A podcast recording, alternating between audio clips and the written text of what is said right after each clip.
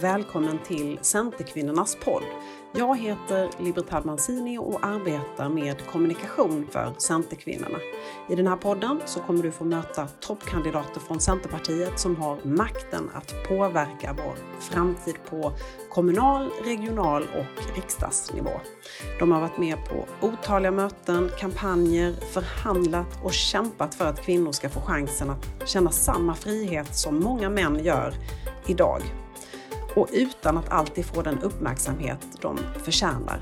Centerkvinnorna har kämpat för jämställdhet i nästan 100 år. Stort tack till alla som har gått före, går med och puttar gubbarna framåt. Ni är hjältar. I den här intervjun pratar jag med Charlotte Bossen som upptäckte att män som opererats för prostatacancer fick hjälp av en sexolog när de skulle rehabiliteras. Men de kvinnor som hade blivit opererade på samma avdelning för urinblåsecancer, de fick klara sig utan. Förhoppningsvis ger detta samtal dig kraft att fortsätta eller mod att kämpa för jämställdhet.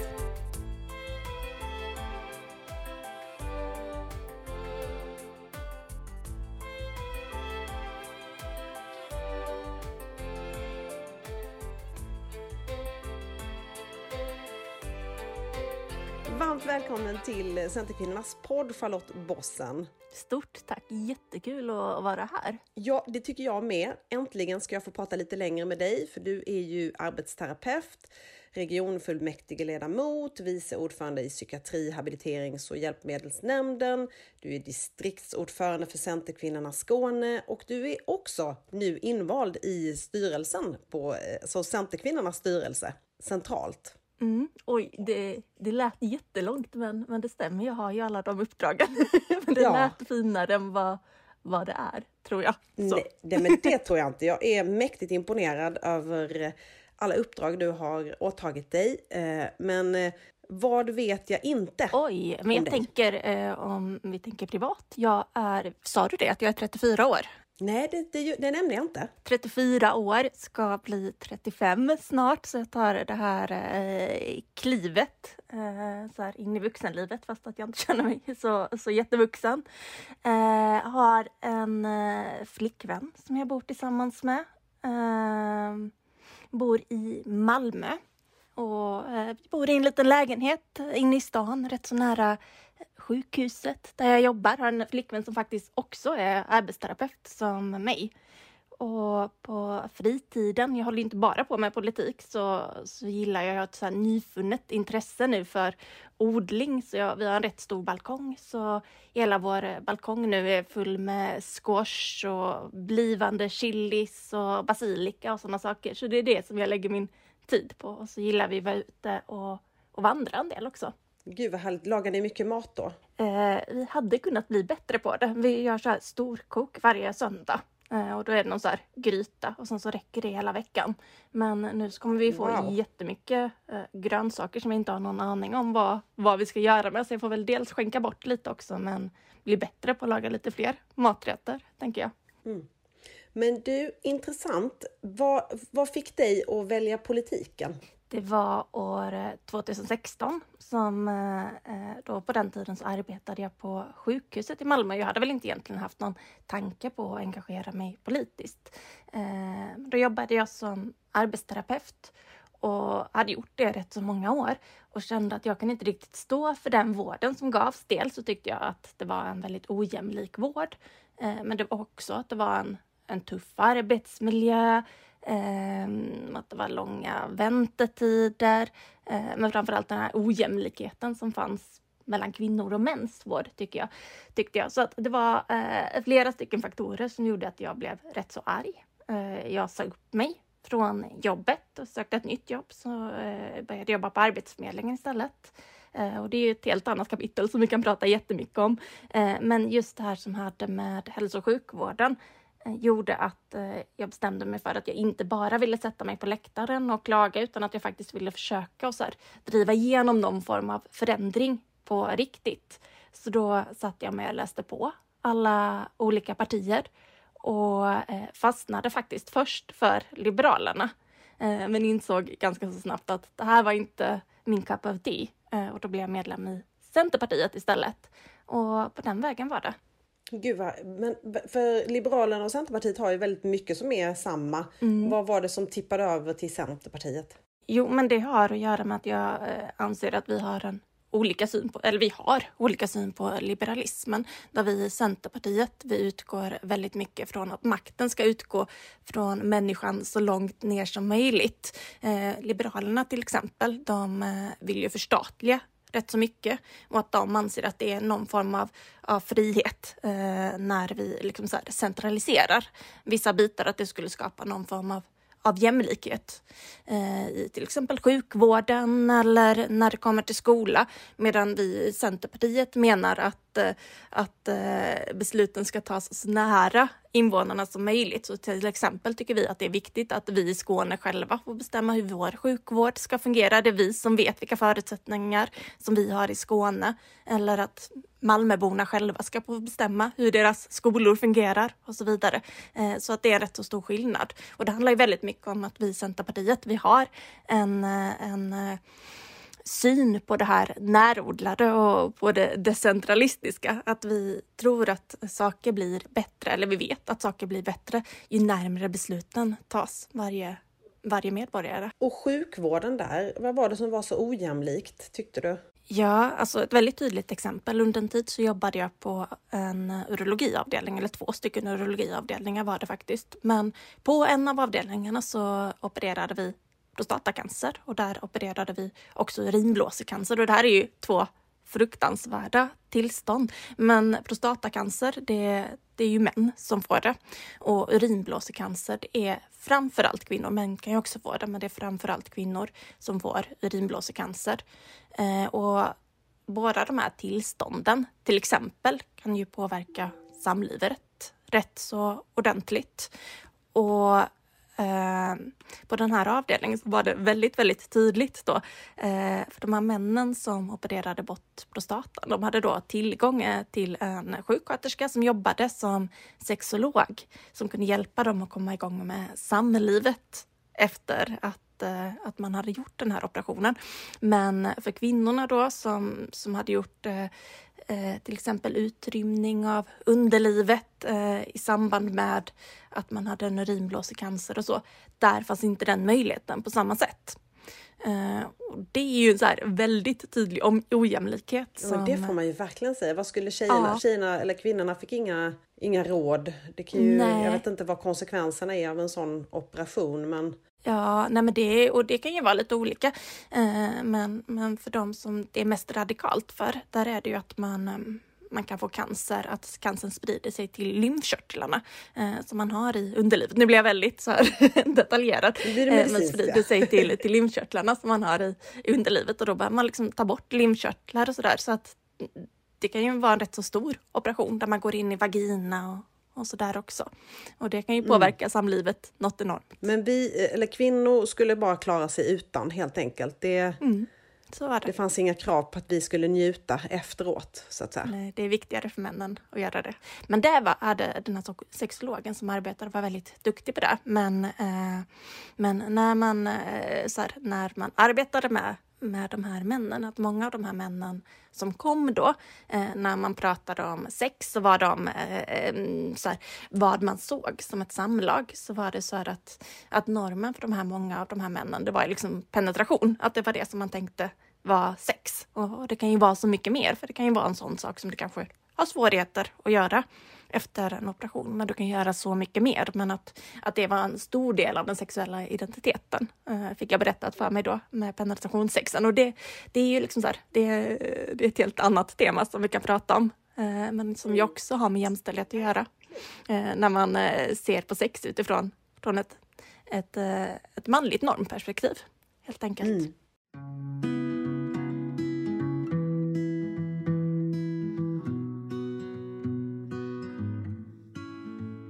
Kan du bara berätta lite hur den politiska karriären har sett ut för dig? Mm. Eh, som sagt, jag blev medlem 2016 och på den tiden så Centerpartiet i Malmö, vi satt inte i Malmö kommunfullmäktige och hade inte gjort det på 22 år. Um, så det var ett gäng medlemmar i Centerpartiet i Malmö som, som var rätt så här, dedikerade till att vi skulle få in Centerpartiet i Malmö kommunfullmäktige igen efter att ha varit ute i kylan så länge. Um, så att jag har varit medlem. Jag tycker om att skriva. Det är ett sånt här sidointresse som jag har och alltid tyckte väldigt roligt. Jag skrev en del artiklar, men jag hade inte väl någon tanke på att jag skulle bli liksom så här, någon så här högt uppsatt politiker på något sätt, utan jag tänkte väl att det hade varit kul att sitta i någon nämnd eller sådär. Men då hade vi en medlemsomröstning. Det har man när man ska bestämma eh, vilka som ska stå på listan till, till valet och då vann jag den här medlemsomröstningen. Wow. Och vart ju superförvånad. Eh, och det var lite överväldigande och, och fick sätta mig på min kammare där hemma och fundera. Vad betyder det här? Eh, är det här någonting jag ska satsa på? Kan jag det här överhuvudtaget? Och bestämde mig för att ja, men jag vill stå på lista, men kanske inte som nummer ett. För att det har jag liksom inte erfarenheten och kunskapen för. För då blir man ju ordförande om man vinner, eller hur? Eh, nej, men man har en stor chans och det blir det som kallas för gruppledare och det är ju den som är liksom så här, den politiska företrädaren, alltså partiledaren kan man säga i Malmö. Och det vill jag absolut inte bli. Eh, men det som hände då, det var ju att eh, den personen som stod som nummer ett, en fantastiskt eh, duktig och faktiskt erfaren politiker, han kom in i riksdagen Ja, så att då, då blev det faktiskt så att jag halkade in på ett bananskal och blev framröstad till, för att det här är ju någonting som man röstar om då, vem som ska bli gruppledare, men blev framröstad till, till gruppledare. Eh, för Centerpartiet Hur var det? Då blev du alltså gruppledare? Mm, det blev jag. Eh, det var skitläskigt. Uh, så här, för vi hade ju inte gjort det här på 22 år. Det innebar att ingen av oss, så här, vi hade med, vi hade med, hade med en, uh, en fantastisk herre, Kai, som var kommunalråd på den tiden, eh, precis innan vi åkte ut. Och han kom ju tillbaka och var med i den här kommunfullmäktigegruppen, så han blev också inröstad. Eh, men förutom Kai då, som hade gjort det här för 22 år sedan, så hade ingen av oss erfarenhet av det här. Eh, de här etablerade partierna, de, man, de har ju byggt upp, byggt upp en hel organisation. De har politiska sekreterare, de har ju mentorer som kan berätta att så här fungerar det i den här nämnden. Man har suttit med, läst alla dokument, man har historien kring liksom så här, vilket beslut som togs för fem år sedan och för ett år sedan och så här har tjänstemännen resonerat. Allt det där hade ju inte vi haft tillgång till. Eh, så att det var jätteläskigt. Eh, dels att inte, liksom så här, inte ha den här bakgrundserfarenheten, inte ha varit med i, eh, i rummet tidigare och inte ha personer som man kunde fråga som har varit med i rummet tidigare.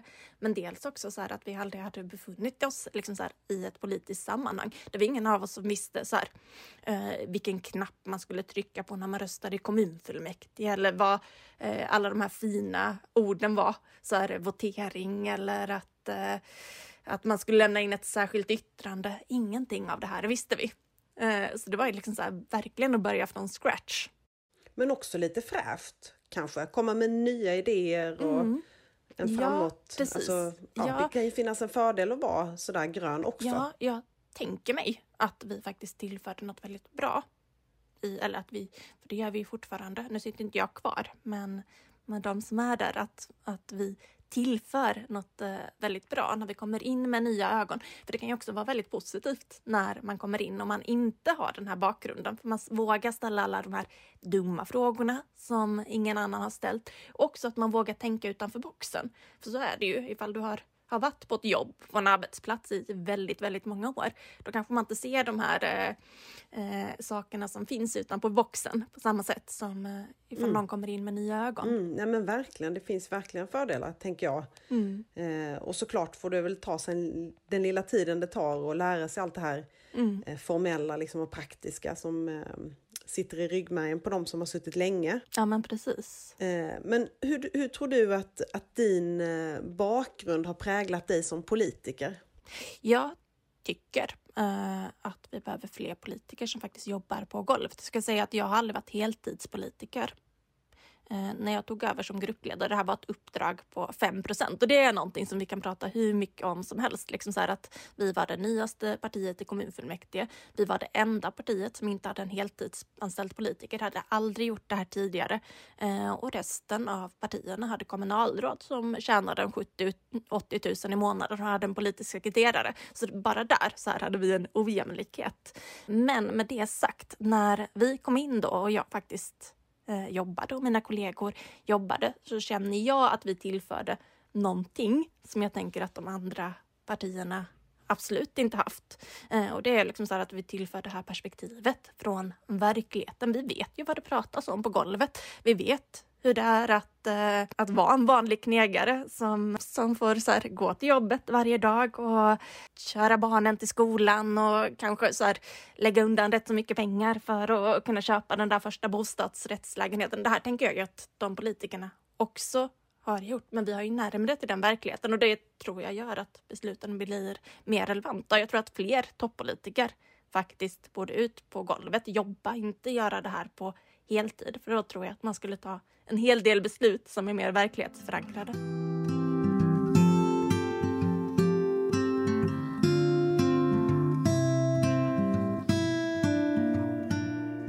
Och vilka frågor är det som driver just dig? Dels så handlar det ju om eh, arbetsmarknaden. Och sen så är det ju självklart hälso och sjukvården, men det är också frågan om mäns våld mot kvinnor. Vad tänker du på då? När det kommer till arbetslösheten, eh, Malmö är väldigt speciellt på det sättet att vi har ju högst arbetslöshet i landet. Det är ju 16 procent av, av Malmöborna som är arbetslösa, men det är också så pass hemskt att mer än 30 procent av Malmös barn faktiskt växer upp i, i fattigdom.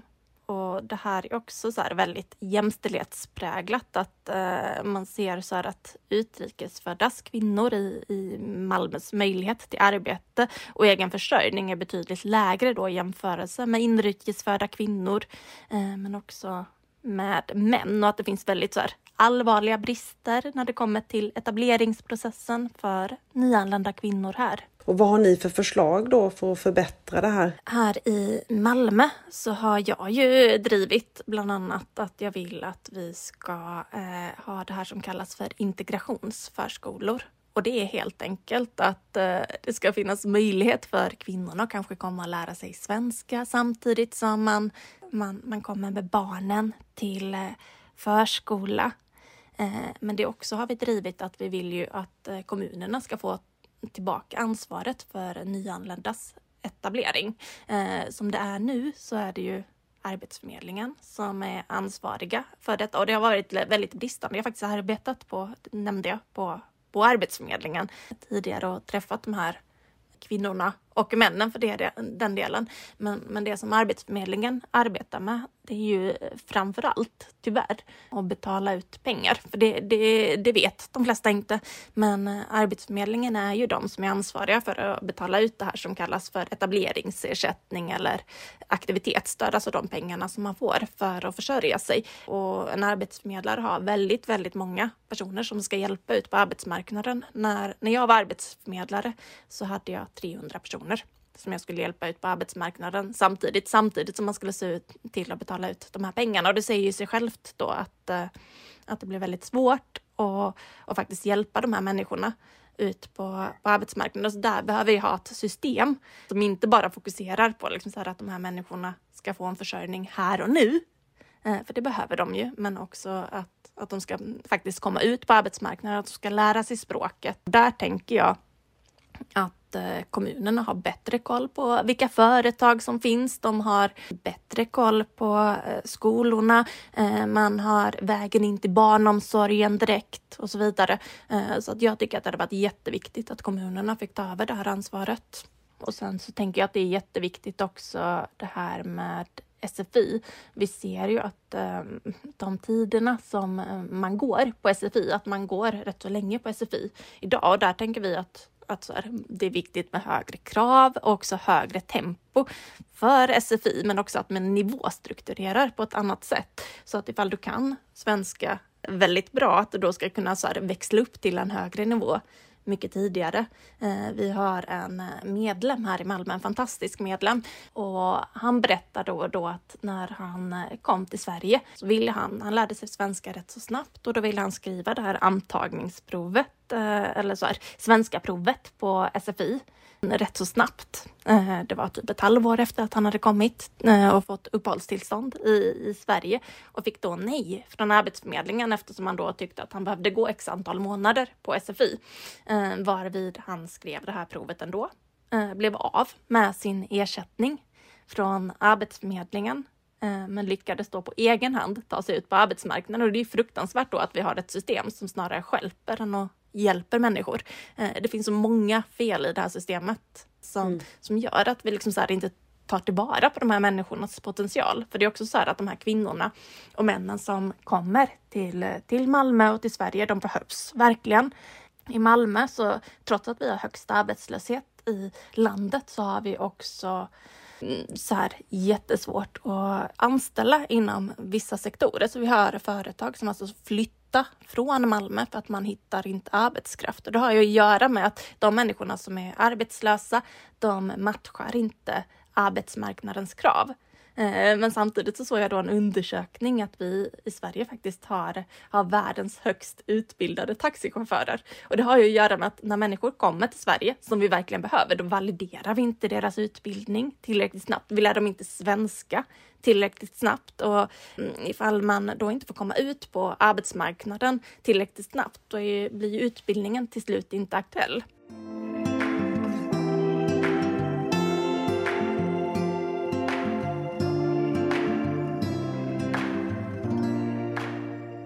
När fick du upp ögonen för jämställdhet? Oj, men det har nog alltid funnits med, tänker jag. Ända från liksom så här, när jag gick i, i ettan, höll jag på att säga, eh, i lågstadiet och man, eh, man såg vilka skillnader som det var mellan pojkar och flickor redan på den tiden. Man ska ju säga så här att jag växte upp i 90-talets Sverige, så jag växte upp under, ni vet den här tjejtidningsvärlden. Och där eh, man gjorde väldigt tydlig skillnad på eh, flickor och, och pojkar. Och när jag var tonåring att man växte upp med liksom så här att att kvinnor skulle, eller tjejer skulle se ut på ett visst sätt. Och man skulle vara på ett visst sätt för att vara attraktiv för pojkar. Och där målet på något sätt var att, att man skulle se bra ut. Och man skulle ha en kille. Och den här killen den skulle vara tillfredsställd eh, sexuellt och så vidare. Det fanns en väldigt tydlig så här, normbild, det gör det idag också, men ännu tydligare då, på hur en flicka skulle vara. Så här, och där tyckte jag var skitorättvist. Och att man tänker då att det här kanske bara är 25 år tillbaka i tiden, 20 år i vissa fall. Eh, och mm. där kan man säga att vi har kommit rätt långt. Liksom så här, där har ju metoo framförallt gjort jättemycket. Men mm. också mm. så har vi ju fruktansvärt lång bit kvar.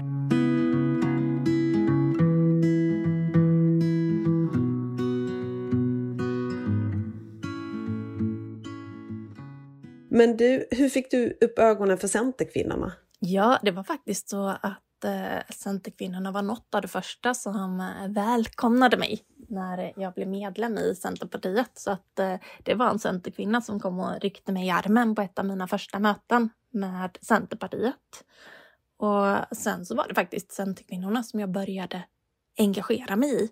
Eh, och det var Centerkvinnorna som faktiskt rustade mig för att överhuvudtaget våga ställa upp och ta, ta plats på, på lista och så vidare. Så att jag var iväg i april 2017 på, på Centerkvinnornas maktdagar. Och där eh, var det en massa så fantastiska föreläsningar. Jag fick träffa Sofia Jarl och jag fick träffa Annie Lööf och efter det så var jag helt hooked då. Ja, vad kul. Mm. Och vad, vad har det betytt, Centerkvinnorna? Har du fått stöd? Mm. Är det liksom ett aktivt nätverk för dig? Hur, ja. hur är det att vara Centerkvinna för dig? Ja, men det är ju något fantastiskt. Jag ska säga det att Centerkvinnorna är ju ett av landets största kvinnoförbund. Eh, och Centerkvinnorna i Skåne är då eh, Sveriges eh, största eh, Centerkvinnodistrikt så att vi har 40 avdelningar här och 550 medlemmar. Och det är något väldigt fantastiskt eh, när kvinnor går samman och vilken fantastisk kraft det är. I Centerkvinnorna så pratar vi väldigt mycket om det här med systerskap, alltså helt enkelt att vi kvinnor hjälper till och, och stöttar fram kvinnor i positioner, men också att vi finns där för varandra, att vi agerar mentorer åt varandra, att vi peppar varandra, att vi ser till att ha kul tillsammans för att engagera sig politiskt. Det ska ju också vara, vara roligt, det är ju det som ska vara huvudsyftet, att man faktiskt tycker att det här är något som är kul, att vi hjälper till och vet du, så här, rusta varandra med eh, kunskap. Så att Centerkvinnorna och det här systerskapet har ju betytt fruktansvärt mycket.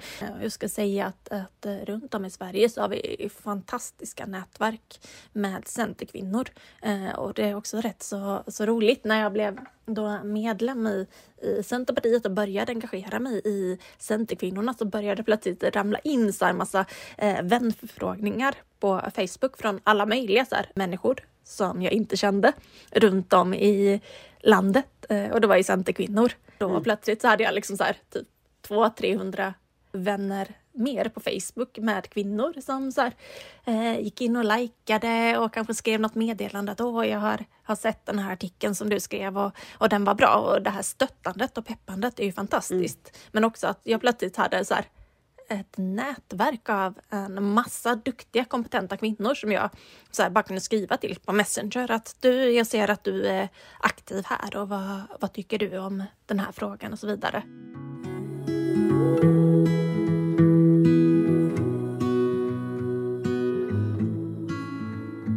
Har du något exempel sådär, för vi har varit inne på det tidigare, att du har sett en massa orättvisor och du har själv upplevt det och mm. du läste de här flicktidningarna. Men har du någon gång som du kan komma ihåg sådär verkligen upplevt att satan, så där, det här hände för att jag var kvinna? Mm. Men gud, jag tänker att det händer hela tiden. Men jag skulle säga så här att som kvinna i maktposition så är man extra utsatt. Sen skulle jag säga att jag är nog så här, är extra utsatt för att jag också är eh, homosexuell. Och sen så att jag delvis har utländsk bakgrund.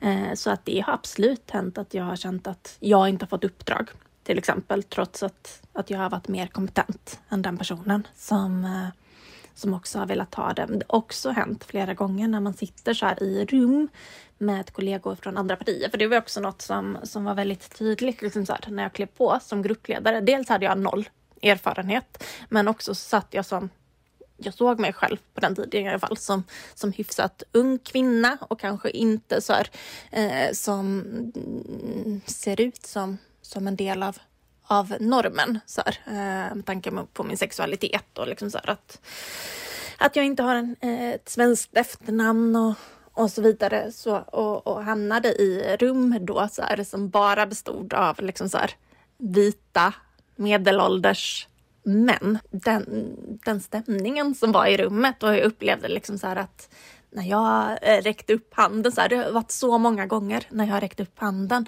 eh, där liksom så här, jag inte har fått ordet till exempel. Så här, jag kan sitta med handen uppe så här i tio minuter och alla andra som räcker upp, räcker upp handen så är liksom så här, efter mig, de på ordet. Men inte jag, till exempel. Eller när jag kommer med ett förslag att då, då lyssnades det inte på. Eh, men sen så fem minuter senare så var det någon annan gubbe som så här räckte upp handen och sa exakt samma förslag men med andra ord och liksom alla bara gud vad bra det här är.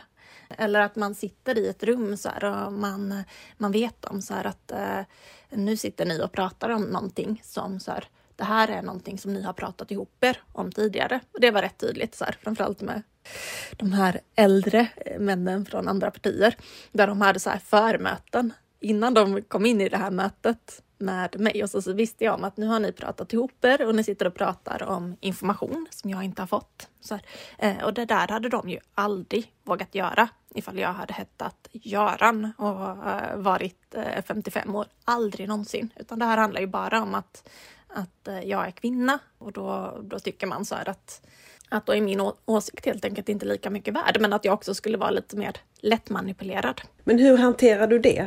Eh, genom att belysa orättvisorna. Ja, du gjorde det. Du liksom, halloj, nu har inte jag fått svara här. Jag har räckt upp handen länge. Du, du vågade ändå säga så, eller? Ja, det gjorde jag. Så här, men sen så blir det så tröttsamt till sist när, Ja, när man får gud, göra ja. det efter möte efter möte efter möte. För det blir ju, det blir ju eh, så otroligt energidränerande. Var det ingen annan som reagerade? Mm, det, det hände så här. Framförallt så här så hade jag några äldre, för det var också så här att eh, när jag satt på kommunstyrelsemöte till exempel, då hände det rätt ofta att man inte såg att jag räckte upp handen. Och det var socialdemokrater eh, som, som inte såg att jag räckte upp handen. Men då var det så här lite äldre socialdemokratiska kvinnor som bara räckte upp, mm, som bara, men hallå, nu, nu har ju Charlotte suttit uppe med handen här för tredje gången, liksom så här i tio minuter. Nu får ni ta, faktiskt ta igen ordet. Det var rätt. Och det är så betydelsefullt. Alltså jag tänker på, det kanske är lite väl att kalla det för offer, men den som är utsatt då? Mm. Sen tror jag det är jätteviktigt att inte sätta sig i en offerroll. Jag har aldrig någonsin så här försökt att se mig själv som ett offer för att den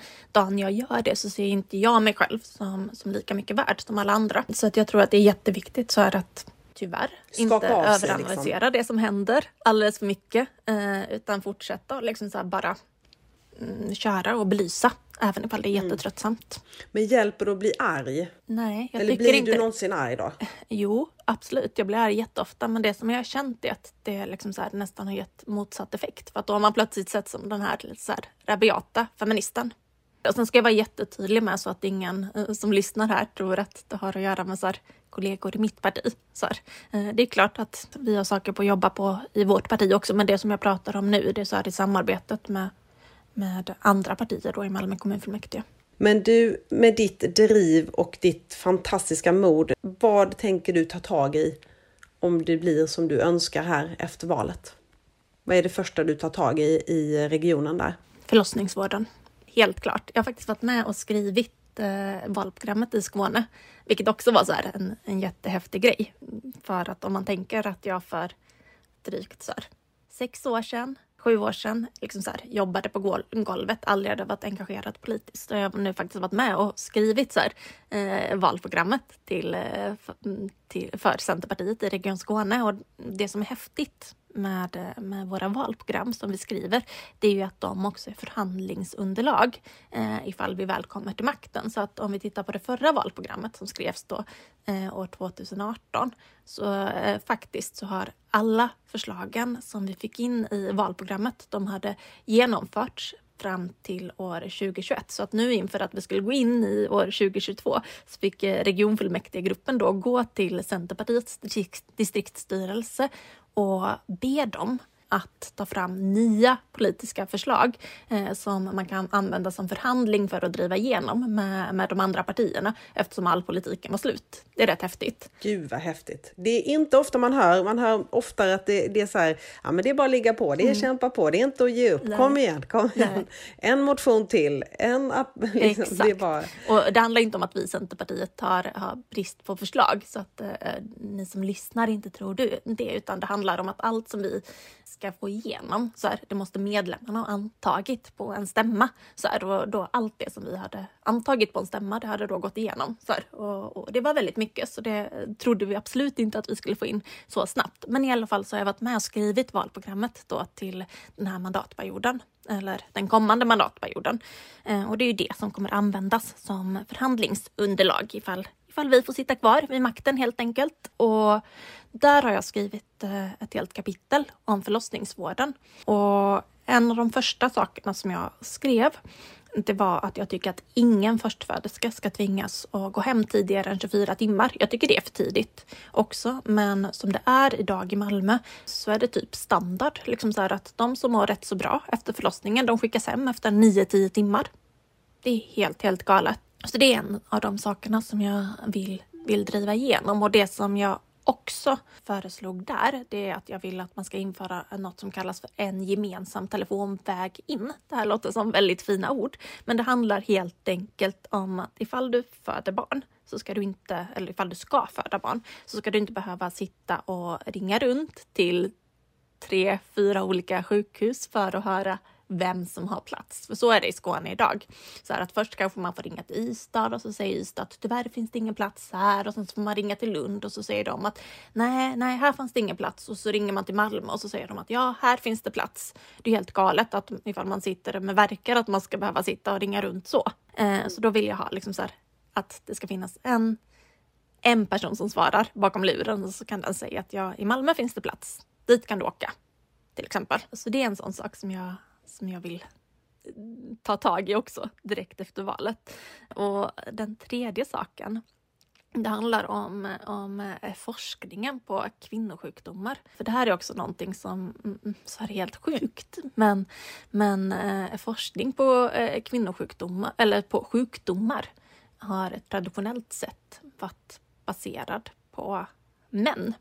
Och vi vet ju att kvinnor och män de reagerar olika på medicinsk behandling. Men ändå så sker liksom experimentell forskning fortfarande i huvudsak på män. Eh, och där menar jag liksom så att där behöver vi ju öronmärka forskningsmedel från regionens sida då så att forskning och tester av nya läkemedel behöver göras på, på kvinnor också och i olika åldrar och i samma utsträckning som män och kanske nu till en början i mer utsträckning än män för att vi ska kunna liksom så väga upp den här forskningen som, som bara varit på män tidigare så att, så att de läkemedlen också forskas på, på kvinnor. Verkligen. Det, det, man tänker att det skulle vara en självklarhet. Mm. Vi är ju eh, fysiskt alltså, olika. Eh, varför skulle samma typ av medicin funka på oss? Alltså, eller liksom, det är klart att man måste forska på våra olika kroppar. Ja, jag fick höra för att, eh, att vi satt och pratade om det här, en grupp kvinnor, och då var det en kvinna som berättade att hon hon känner en läkare som påstår att det här skulle bero på att eh, man inte så här, vill påverka kvinnornas fertilitet och därför så, så vågar man inte forska på deras kroppar och det är ju helt galet. Det är ju precis därför vi ska forska på kropparna. Så att vi vet om att eh, det som vi stoppar i oss, att det inte påverkar fertiliteten. Vad jag hoppas att du får bli jämställdhetsminister Charlotte Bossen och därför så tänker jag ge dig typ två mandatperioder. Gör vad du tycker krävs för att flickor och kvinnor ska få det bättre. Vad gör du? Åh oh, gud!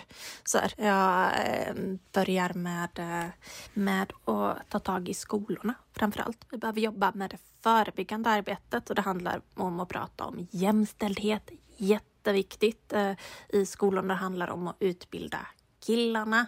Vi behöver se till så att när tjejerna väl kommer ut på arbetsmarknaden att de har schyssta lönenivåer på samma sätt som, som killarna. Vi behöver så här peppa kvinnorna och ta ut färre föräldradagar och ligga på sina killar så att de tar ut mer föräldradagar eh, så att eh, tjejerna och kvinnorna får, får en eh, likställd livsinkomst som, som männen. Vi behöver se till att få en bättre och mer jämställd hälso och sjukvård eh, där kvinnors kroppar värderas på samma sätt som mäns. Vi behöver eh, se till att eh, komma till rätta med mäns våld mot kvinnor. Så vi behöver höja straffen. Vi behöver se till att få bort prostitutionen totalt. Vi behöver begränsa porren. Så det är några av de här sakerna och det är ju typ så här, det här är ju en utopi. Men jag tänker att, att någon gång så ska vi väl nå fram till de här sakerna. Härligt att du har lyssnat på Centerkvinnornas podd. Om du vill se fler gräsrotsfeminister som kämpar för att nå ett mer jämställt samhälle så är du välkommen att bli medlem i Centerkvinnorna. För 150 kronor om året får du ett stort nätverk, utbildningar och verklig makt att påverka framtiden till det bättre. På santekvinnorna.se gör du detta enkelt med hjälp av en QR-kod eller genom att fylla i ett formulär. Välkommen!